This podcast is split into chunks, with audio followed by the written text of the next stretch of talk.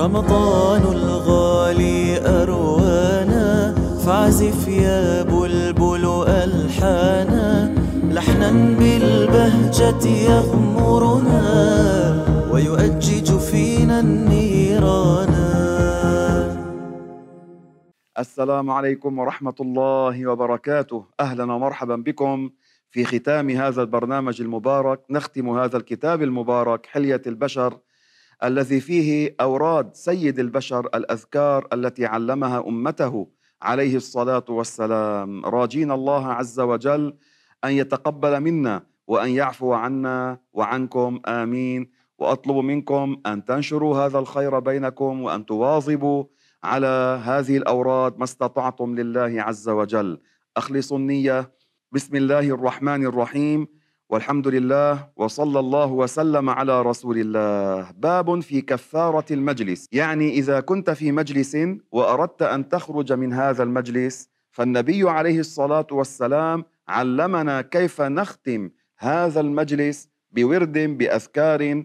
روى أبو داود وغيره عن أبي برزة الأسلمي رضي الله عنه أنه قال كان رسول الله صلى الله عليه وسلم إذا أراد أن يقوم من المجلس قال سبحانك اللهم وبحمدك أشهد أن لا إله إلا أنت أستغفرك وأتوب إليك. هذا لختم المجلس على خير. وهذا ورد عن النبي عليه الصلاة والسلام. وفي رواية أخرى روى الطبراني والحاكم عن جبير بن مطعم رضي الله عنه أنه قال قال رسول الله صلى الله عليه وسلم من قال سبحان الله وبحمده سبحانك اللهم وبحمدك أشهد أن لا إله إلا أنت أستغفرك وأتوب إليك. فقالها في مجلس ذكر كانت كالطابع يطبع عليها. يعني كانت كالختم. هذا الختم يعني شيء يلصق عندما تضع هذا الختم. هذا كانت كالطابع يطبع عليها. ومن قالها في غير مجلس ذكر كانت كفارة. هذا أحبابي من جملة ما ورد مما يقرأ في المجالس. وورد أشياء أخرى ولذلك شيخنا رحمات الله عليه الشيخ عبد الله الهراري الحبشي كان يعلمنا ختم المجالس بالتهليل والصلاة على النبي صلى الله عليه وسلم. هو اعتمد على أحاديث وردت أن الشخص يختم المجلس بأذكار يذكر الله ويصلي على رسول الله. فهو اختار رضي الله عنه الفاظا كان يختم بها المجالس. هذا من البدع الحسنة الطيبة التي أحدثها رحمه الله وله مستند في هذا رحمات الله عليه. لا إله إلا الله. ثلاثا اللهم صل على سيدنا محمد وعلى آله وصحبه وسلم. ثلاثا وكذلك كان يختم بالاستغفار للمؤمنين والمؤمنات. رب اغفر لي ولوالدي وللمؤمنين والمؤمنات أو اللهم اغفر للمؤمنين والمؤمنات. ثلاثا هذا كان مما علمه تلاميذه مريديه رحمات الله عليه كانت هذه آخر حياته كان على هذا فواظبوا على هذا الخير. ختم المجالس بالخير خير. باب ما جاء في تشميت العاطس. روى البخاري وغيره عن أبي هريرة رضي الله عنه أنه قال قال رسول الله صلى الله عليه وسلم إذا عطس أحدكم فليقل الحمد لله وهذا من السنة التي واظب عليها رسول الله صلى الله عليه وسلم. طيب هذا العاطس وليقل له أخوه أو صاحبه يعني ليس شرطا الأخوة في النسب أخوه في الإسلام أو لو لم تكن تعرفه. هذا تقول له إن سمعته حمد الله يرحمك الله. ويقول يعني هذا الذي عطس يهديكم الله ويصلح بالكم. ويحكى عن أبي داود السجستاني رحمه الله كان على شاطئ فسمع رجلا عطس وحمد الله فاستأجر مركبا بدرهم يلحق به حتى يشمته يقول له يرحمك الله. انظروا إلى هذه الحسنة دفع هذا ولحق به ليعمل هذه الحسنة. فرؤي في المنام بأن الله أعتقه من النار بدرهم. فاذا الواحد لا يحقر من المعروف شيئا ولو أن يلقى أخاه بوجه طلق باب ما يقول عند دخول السوق روى الترمذي وابن ماجه والطبراني وغيرهم عن عمر بن الخطاب رضي الله عنه عن النبي صلى الله عليه وسلم أنه قال السوق هو مجمع أماكن يبيع الناس فيها ويشترون وليس شرطا محلات كما اليوم عهدنا إنما قد تكون باحة هذا يجلس يعرض أغراضه وهذا وهذا وهذا هذا أيضا سوق. ولو كان مغلقا العلماء قالوا يقرأ دعاء السوق. ولو لم يكن ماشيا لو كان في السيارة مثلا يقرأ دعاء السوق. هذا الدعاء ثوابه عظيم لا تفوتوه. حتى إن أحد الأمراء جاءه رجل قال له جئتك بهدية. قال ما هي؟ فعلمه هذا. فصار هذا الرجل أي الأمير ماذا يفعل؟ فقط يخرج إلى السوق ليقول الدعاء ثم يعود. سبحان الله لأن ثوابها كبير. انظروا قال رسول الله صلى الله عليه وسلم من قال في سوق من هذه الأسواق لا إله إلا الله وحده لا شريك له له الملك وله الحمد يحيي ويميت وهو حي لا يموت بيده الخير وهو على كل شيء قدير. هذا الورد هذا الذكر هو يقال له ذكر السوق ويقال له دعاء السوق. كتب الله عز وجل له يعني لقائله بنية حسنة بألفاظ صحيحة ألف ألف حسنة مليون حسنة. ومحى عنه ألف ألف سيئة مليون سيئة أي إن كانت عليه. وبنى له بيتا في الجنة. فشوفوا هالثواب العظيم يا أحباب بهالورد اللي هو منه طويل وما بياخذ منك جهد. واغلب هلا المدن يا أحبابنا صار فيها أسواق يعني وين ما بتروح بتلاقي الأسواق. لكن كما ذكرت لكم في درس سابق لا تكن أول الداخلين إلى السوق ولا آخر الخارجين إلى السوق. لماذا؟ لأن هناك تكثر الشياطين وهناك فيه كثير من الحرام وهي من أشر البقاع. باب ما يقول إذا سمع صياح الديك ونهيق الحمار. سبحان الله العظيم. حتى في هذا الإسلام يعلمنا أشياء. انظروا إلى عظيم ما ورد في الدين. وهذا كتاب صغير في الأذكار. العلماء جمعوا ما هو أوسع بكثير. لذلك الواحد يسمع إذا سمعت الديك ماذا تقول؟ إذا سمعت الحمار ماذا تقول؟ فإذا هناك أشياء في الشرع يستفيد منها الإنسان إن تتبع سنة النبي عليه الصلاة والسلام. وهل هذا شرطه في الليل؟ صياح الديكة ونهيق الحمار. فقط في الليل؟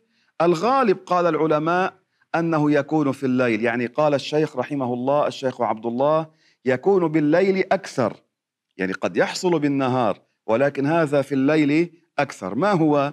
روى البخاري ومسلم وأبو داود وغيرهم عن أبي هريرة رضي الله عنه أن رسول الله صلى الله عليه وسلم قال إذا سمعتم الديكة تصيح بالليل فإنها رأت ملكا. سبحان الله يرون الملائكة ملكا من الملائكة الكرام عليهم السلام.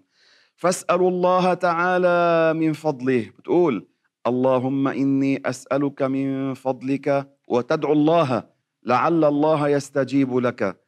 وإذا سمعتم نهيق الحمار فإنها رأت شيطانا فاستعيذوا بالله من الشيطان الرجيم. فاذا هذا عند رؤية الديكه ندعو الله عز وجل من فضله وندعو الله بخير. وعند سماع نهيق الحمار نستعيذ بالله من الشياطين. باب ما جاء في الدعاء بالشهادة. روى مسلم وأبو داود والنسائي وغيرهم عن سهل بن حنيف رضي الله عنه أن رسول الله صلى الله عليه وسلم قال من سأل الله عز وجل الشهادة صادقا من قلبه بلغه الله تعالى منازل الشهداء وإن مات على فراشه. انظروا إلى هذا الخير العظيم. هو الواحد منا أحبابي ليعلم أن هناك جهاد بالسنان وجهاد بالبيان. اليوم الجهاد بالبيان شأنه عظيم وهو أن تعلم الناس وأن تنقذهم من العقائد الفاسدة وأن تحذرهم من الاعتقادات والأفعال والبدع الفاسدة التي انتشرت في المشرق والمغرب بين الناس. هذا من الجهاد بالبيان الذي حثنا عليه الشرع وهذا تستطيعه. هذا سهل عليك أن تأمر بالمعروف وأن تنهى عن المنكر. النبي عليه الصلاة والسلام يتكلم عن الشهادة في سبيل الله أي أن يكون الشخص يسأل ربه تبارك وتعالى الشهادة في سبيله. وهكذا كان سيدنا عمر مما جاء عنه يقول اللهم إني أسألك شهادة في سبيلك ووفاة في بلد حبيبك. هكذا يا أحباب عودوا أنفسكم على هذا الدعاء. فمن سأل الله الشهادة صادقا من قلبه بلغه الله تعالى منازل الشهداء. قال العلماء ينال أجر الشهيد وإن مات على الفراش. ولو مات على فراشه. هذا سيدنا خالد ابن الوليد كم معركة خاضها رحمه الله ورضي عنه. حتى قيل لا يوجد موضع شبر. من جسده إلا وفيه ضربة خنجر أو سيف أو رمح. لكنه مات على الفراش لكنه كان عنده النية فيما يعتقد فيه رحمات الله عليه ونفعنا به. باب في النهي عن الدعاء بالبلاء وهون كمان بنقول يا أحبابنا من الصبر انه أنت تتحمل وتصبر لله تبارك وتعالى تمنع نفسك من الحرام. كثير من الناس إذا أصابهم شيء أزعجهم بيدعوا على حالهم بالبلاء. النبي نهى عن ذلك. روى مسلم وغيره عن أنس بن مالك رضي الله عنه قال عاد رسول الله صلى الله عليه وسلم رجلا يعني راح زار واحد من الصحابة كان مريضا. قد صار مثل الفرخ صار مثل الفروج بيقولوا بالعامية يعني صغر حجمه كثيرا من المرض. فقال له هل كنت تدعو الله بشيء وتسأله إياه؟ قال يا رسول الله كنت أقول وهذا نحن لا نفعله النبي نهاه. قال كنت أقول اللهم ما كنت معاقبي به في الآخرة فعجله لي في الدنيا. الله يلطف بنا ويتوب علينا. فقال عليه الصلاة والسلام معلما منبها سبحان الله لا تستطيعه. يعني لا تتحمل أنت هذا البلاء. لو قلت ربنا آتنا في الدنيا حسنة وفي الآخرة حسنة وقنا عذاب النار. وكما ورد معنا قبل هذا كان أكثر دعاء النبي صلى الله عليه وسلم. ربنا آتنا في الدنيا حسنة وفي الآخرة حسنة وقنا عذاب النار. وروى الترمذي والنسائي في عمل اليوم والليلة وغيرهما عن سيدنا علي رضي الله عنه أنه قال دخل علي رسول الله صلى الله عليه وسلم وأنا مريض وأنا أقول اللهم إن كان أجلي قد حضر فأرحني وإن كان اجلا فارفعني وإن كان بلاء فصبرني. هذه كانت كلمات سيدنا علي. فقال ما قلت النبي عليه الصلاة والسلام يسأله؟ فأعدت عليه فضربني برجله. انتبهوا يا أحباب ليس المراد هنا بقلة الأدب أو بشيء يعني آه، بيقولوا عنا بالعامية تحقيرا له لا. وإنما هذا من باب المباسطة فيما بين علي وبين النبي صلى الله عليه وسلم يعني حركه من مضجعه هذا المراد. وقال اللهم عافه أو اشفه. لأنه شك الراوي. قال اللهم عافه أو اشفه. قال سيدنا علي رضي الله عنه فما اشتكيت ذلك الوجع بعد. الله الله. يعني بدعاء النبي استجيب وتعافى سيدنا علي. يا أحباب نحن ما بندعي على أنفسنا بالموت هذا مكروه. يعني بيقولوا بعض العوام لما يغضبوا إن شاء الله بموت اليوم. أو بتقول بعض النساء عنا ببيروت الله ياخذني ويريحني منكم. مثلا ونحو ذلك. هذا قبيح هذا لا خير فيه. وانتبهوا لا تزيدوا على الدعاء إن كان دعاء بلا خير. التوسل بالنبي صلى الله عليه وسلم. هذه فائدة عظيمة. انتبهوا. نحن نتوسل وما معنى التوسل بالأنبياء مثلا؟ أن تطلب من الله تحقيق منفعة أو دفع مضرة بذكر اسم نبي أو ولي إكراما للمتوسل به. فما كان مكروها أو حراما لا نفعله ونطلبه من الله إكراما للنبي. هل يطلب الحرام إكراما للرسول؟ هل يطلب الشيء المذموم أو القبيح أو المكروه إكراما للنبي؟ هذا معنى التوسل. اذا إذا دعوت على إنسان انتبه فإن كان ظلما لا تتوسل بالنبي بل ولا تدعو على هذا الإنسان لكن الأخطر حتى لا يؤثر على العقيدة. فانتبهوا يا أحباب هذا التنبيه والفائدة الأولى. الفائدة الثانية أن سيدنا العرباض ابن سارية وكان هذا من أولياء الصحابة رضوان الله عليه. هذا العرباض بن سارية رضي الله عنه صار كبيرا في السن وتعب يعني جسده فصار يدعو هذا الدعاء. يقول اللهم إنه رق عظمي وكبر سني فاقبضني إليك غير مفتون. يعني أن لا انفتن مع أنه من الأولياء وهو يعلم أن الولي لا يموت كافرا لا ينقلب عدوا لله. فسمعه شخص حضر عليه وقال له ماذا تقول؟ قال إني أقول اللهم إنه رق عظمي وكبر سني فاقبضني إليك غير مفتون. فقال له هذا الشخص قل اللهم حسن العمل وبلغ الأجل. فلما أراد أن ينصرف هذا الشخص قال له جزاك الله خيرا يا أخي. من أنت? قال أنا رتائيل. هذا ملك وظيفته يسحب الحزن من قلب من شاء الله. الله أرسل هذا الملك ليخفف عن العرباب رحمه الله ورضي عنه. أما ما حصل مع السيدة مريم رضي الله عنها حين اشتد كلام الناس وأذى الناس عليها كيف حملت من غير رجل وهذا شديد ليس سهلا. الناس آذوها. فماذا قالت؟ يا ليتني لم أكن. يا ليتني كنت نسيا منسيا. وحصل مثل هذا مع السيدة عائشة رضي الله عنها حين افتري عليها واتهمت بالزنا وهي بريئة. والله أنزل فيها قرانا برأها.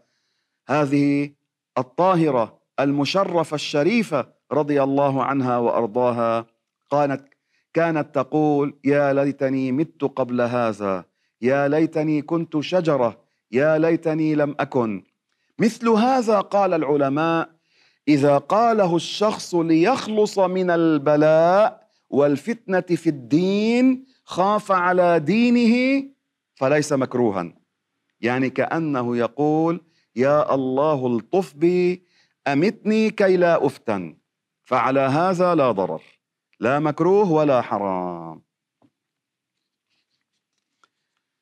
باب ما يقول عند غلق الأبواب وإيكاء السقاء وتخمير الآنية. هون يا أحباب الواحد منا هذا خاتمة الأبواب وفيها فوائد عظيمة وهو أن الشخص بالبيت بيكون عنده أحيانا وعاء بيكون عنده آنية لا يتركها مكشوفة لأنه بيمرق بالليل في ليلة من السنة بينزل وباء. هذا الوباء أي شيء من الوعاء كان مكشوفا وجده ينزل فيه. فمن الآداب النبوية الشريفة التي علمنا رسول الله صلى الله عليه وسلم إن نحط شيء عليه نغطيه ولو بعود أو نقلبه لهيدا الإناء. وهلا حنسمع إن شاء الله الحديث. هذا كتير مهم يا أحباب. هذا فوائده كبيرة. فعودوا أولادكم وأهلكم. عودوا أنفسكم. إذا عندك خادمة عودوهم على هذه السنة الطيبة. روى البخاري ومسلم.